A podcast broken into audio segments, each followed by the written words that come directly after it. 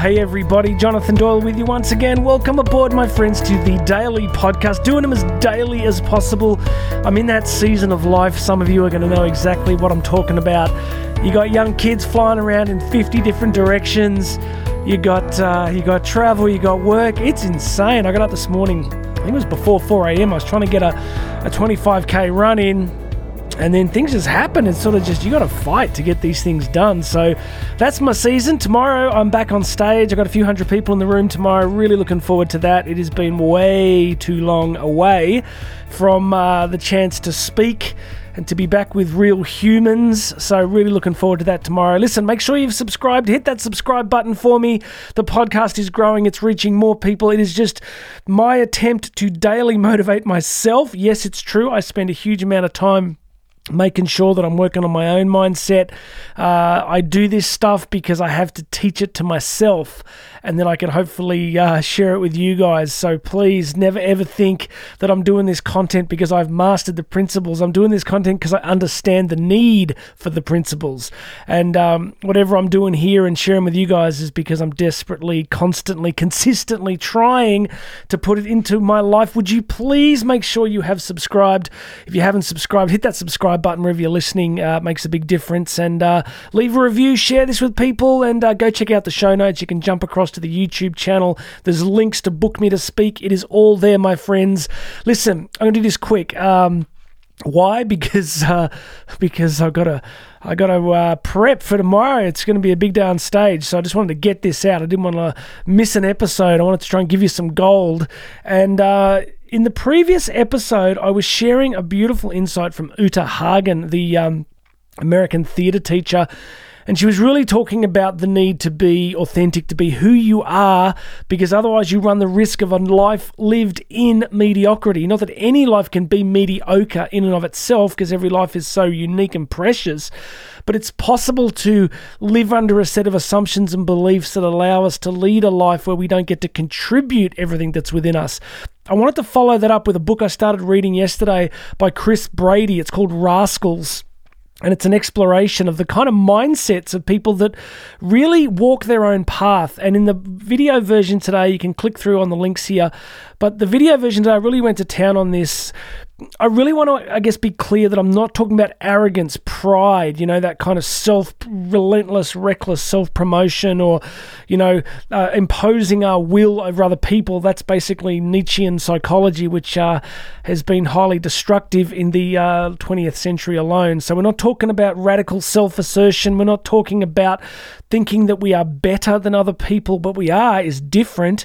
And this is what this quote's going to remind us of. Listen to this quote from Chris Brady's book, Rascals. Doesn't it seem that the most interesting characters in a novel, play, or history tale are the ones who walk their own walk, go their own way, and seem to resist, wait for it, the compliancy pressures of the world? In the video today, I love that term compliancy pressures. I believe from the youngest age, compliancy is a profound tool of late stage capitalism. Late stage capitalism thrives basically on two things debt and consumption, right? So many of you know that in the last few years, uh, I went, you know, deep down the role of the rabbit hole of global macro finance and central banking theory, as you do. Everybody's got a secret backup career, um, but late stage capitalism really thrives on on a debt based monetary system, but then on consumption. Right, for the system to continue, it requires consumption. How do you get mass consumption? Well, you know, I guess you create products and services that are useful to the largest possible number of people. But the other thing you need to do is to be able to advertise and market effectively effectively, you have to homogenize your target markets. You have to use compliancy pressures. You have to get people to at one one level think that they are wildly free individuals. I mean, look at the early marketing of Apple. You know, this kind of you know think outside the box, think differently, kind of be your own radical culture change agent. But at the same time, we need vast numbers of you to think and believe the same thing, so you buy the same products because you, attri- you attribute and ascribe value to those things. So you see what I'm saying? As a culture, and I always say with culture, we can there's plenty of negatives, but you know, I always like to say having a flushing toilet puts us ahead of about every culture in human history. So I'm pretty happy with that, as I'm sure you are. So there are benefits to our culture, but we have to see the emperor's new clothes, we have to see the emperor's naked, we have to see through the veil, we have to see some of what's actually going on. And some of what's actually going on are these compliancy pressures. We get it in school, we get it in our families, we get this thing fit in, do this, think this, dress this way. You know, I got teenage kids. You know, it's it's what you want for them as a parent is radical individualism, not selfishness, but you want them to be who they are. And one of the fears that you know you can have as a parent is that your kids are going to do dumb stuff, doing what? Trying to be like someone else, trying to be like everybody else. I mean, look at the dumb things most of us did going through high school and stuff, right? Most of that stuff was a chronic desire to uh, accommodate compliancy pressures.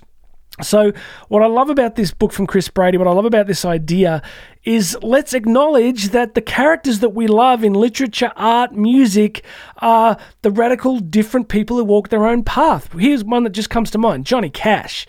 My son, he's 12. We used to sit out the background of fire and I used to play Johnny Cash. And he's probably the only 12 year old that really understood Johnny Cash's back catalogue. Now, Johnny Cash was a checkered dude. Like, he had a really different, eclectic background. He was a wild guy, and then he had a sort of spiritual conversion in life as well, and his really full, interesting, different life. He was an addict. He was this. He was that.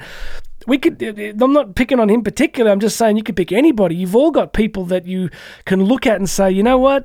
That's a big life. That's a life just lived using those unique talents and just living their life to the, full, the fullest way they possibly could. So, my message for you today is we all got to get better at this part. We all got to get better at the self censorship. Now, again, by self censorship, I don't mean being rude or aggressive or saying things that needlessly upset people. But self censorship, if you look behind it, will almost always be fear based. Behind self censorship is fear. Why? Well, I'm not saying what I think. I'm not doing what I want to do. I'm not wearing what I want to wear. I'm not going where I want to go. Because if I do that, I will probably offend or upset somebody. That's the nature of the fear behind self censorship. So, listen, friends look for that. Look for that filter of self censorship. Now, I'm all for courtesy, and I genuinely am. You know, I think it's really important to be conscious of and respectful of people's feeling states and to not ever cause needless harm, suffering to others. But we've also got to be as authentic as we can possibly be. Why? Because the world needs this. We're living through this moment, friends where the forces of technocracy, by that I mean the forces of the merging of late stage capitalism the state and mainstream media are kind of coalescing into one big unit that's kind of getting us all to think and believe the same things. Trust the experts, trust the experts, go where we say, do what we want you to do, believe what we want you to believe. Friends, that's totalitarianism. We don't want that. What we want is authentic freedom. What we want is to be who we are. What we want to push back against structures, structures in our own mind that hold us back, structures, uh, you know, political power structures that hold us back. I know for some of you, you're thinking, Jonathan, what have you been drinking today? Well, nothing. I had a little bit of Pepsi Max before I came in the studio, but that is the sum total of what I've imbibed today.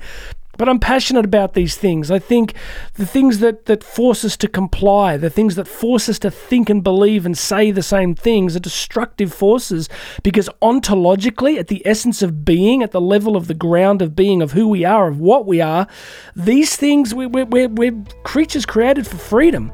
We're creatures uh, created to manifest the unique attributes that the Creator made us with.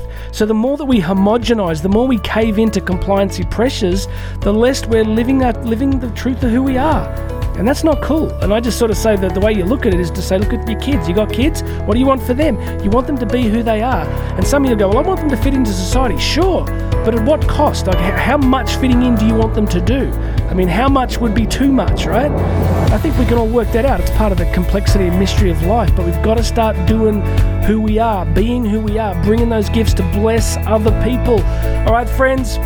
That's it. Please make sure you subscribe. Go check out the links. You can book me to speak on a whole range of interesting topics. Whew. Gonna have some more Pepsi Max now. All right, God bless you, everybody. My name's Jonathan Doyle. This has been the Daily Podcast. You and I are going to talk again tomorrow.